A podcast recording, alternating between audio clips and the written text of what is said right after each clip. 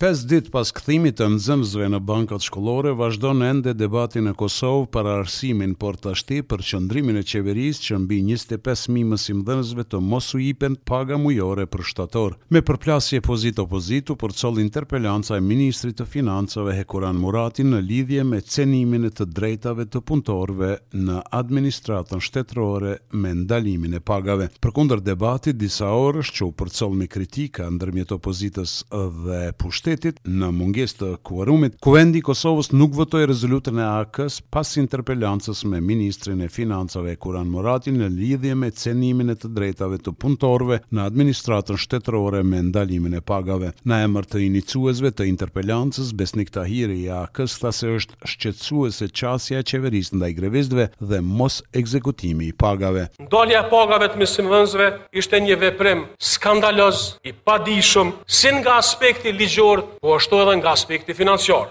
Është marrëzi që duke u thirrë në këtë ligj dikush të pretendojë që lejohet ndalimi i pagës gjatë një greve të ligjshme. Edhe kreu i LDK-së Lumir Abdixhiku kritikoi kryeministrin Kurti për hakmarrje ndaj mësimdhënësve duke mos i proceduar pagat. Kjo vogëlsi e tij prej hakmarrësi ndaj të dobëtit është shenjë e politikës së tij. Dhe këtë politikë tij ai është selektiv. Ka paguar gjithë grevistët e tjerë, por ka vendosur me vetëdije t'i dënojë vetëm njëzet e pesë mijë mësimdhënës kosovarë. Dhe në qoftë se respektimi i ligjit qenka vërtet kërkesë, si është e mundur që ligji të vlejë për disa jo për gjithë? Kryetari i PDK-së Memli Krasniqi, teksa kritikoi kryeministrin Kurti për trajtim jo të mirë të mësuesve, tha se ministri i Financave Hekuran Murati do të përgjigjet para drejtësisë për shkelje të ligjit. Ministri dje e ka shkel ligjin me mos ekzekutim pagave. Muni me interpretu qysh doni. Kallëzimin penal e ka, për këto ka m'u përgjigjë. Pagat kanë me dalë, por ky presion dhe ky shantazh që po u bohet mësimdhënësve nuk besoj që ka m'u harru. Ministri i Financave, Hekuran Murati arsyetoi mos ekzekutimin e pagave të mësimdhënësve. E kemi pa që sa e sa ditë japin ultimatum, herë PDK-ja, herë SBASHK-u, herë LDK-ja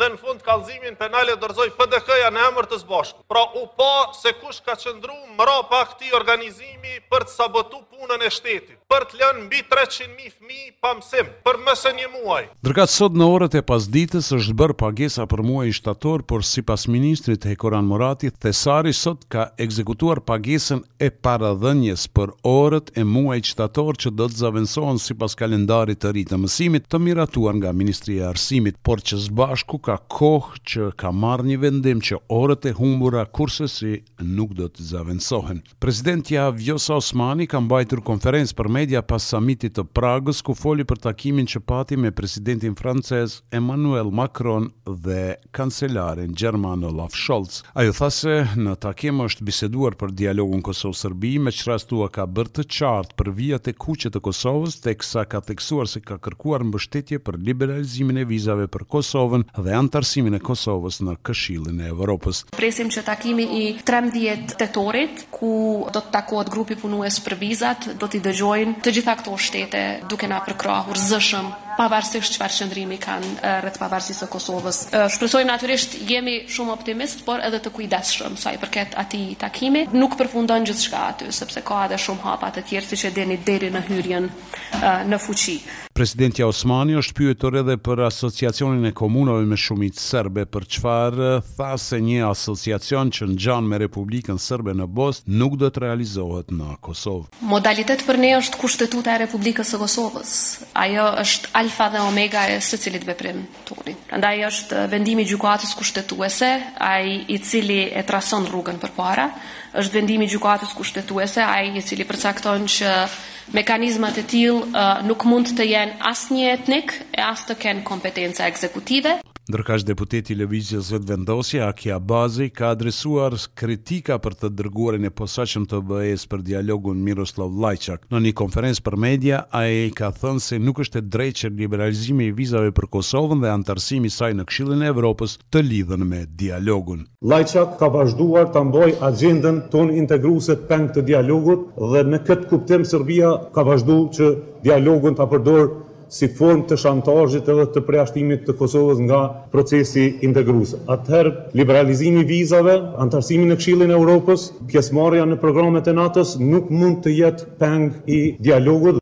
Kryeministri Albin Kurti e ka emëruar ushtruese detyre të ministres së Shëndetësisë, Dafina Gexha Bunjakun. Ky emërim erdhi pas dorëheqjes së Rifat Latifit nga detyra e ministrit të Shëndetësisë. Dorëheqjen e Rifat Latifit, LDK-ja po e konsideron si treguesin më të mirë të dështimit të Qeverisë Kurti. Deputeti i LDK-së Armend Zemaj, që ishte ministër i Shëndetësisë në mandatin e kaluar qeverisës, tha se ikja e mjekëve nga Kosova është një dështim tjetër i kryeministrit Kurti. Dorëheqja e doktor Latifit vjen si pasojë e dy faktorëve shtesë. dështimin e Kurtit si kryeministër, por edhe dështimin e Kurtit si ministër i Shëndetësisë. Mos të harrojmë se për këta tetëmbëdhjetë muaj ka ndodhur një sërë dështimesh dhe padrejtësisht këto në kurriz të qytetarëve, të pacientëve, por edhe të profesionistëve shëndetësorë.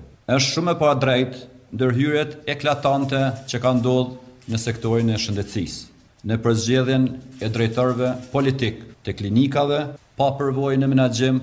Kryetari i Odës së Hotelerisë dhe Turizmit në Kosovë, Hysen Sogojeva, ka bërë të ditur se nëse nuk intervenohet me kohë prej tetëmbëdhjetë mijë bizneseve aktive tridhjetë për qind të tyre rrezikohen të mbyllen. Krejt kjo sipas tij për shkak të krizës dhe mosndihmës nga qeveria. Tutje, Sogojeva tha se edhe vetë kryeministri Albin Kurti po dërgon mesazhe se na pret një dimër i vështirë. Ai thotë se alternativa e vetme mbetet subvencionimi i bizneseve.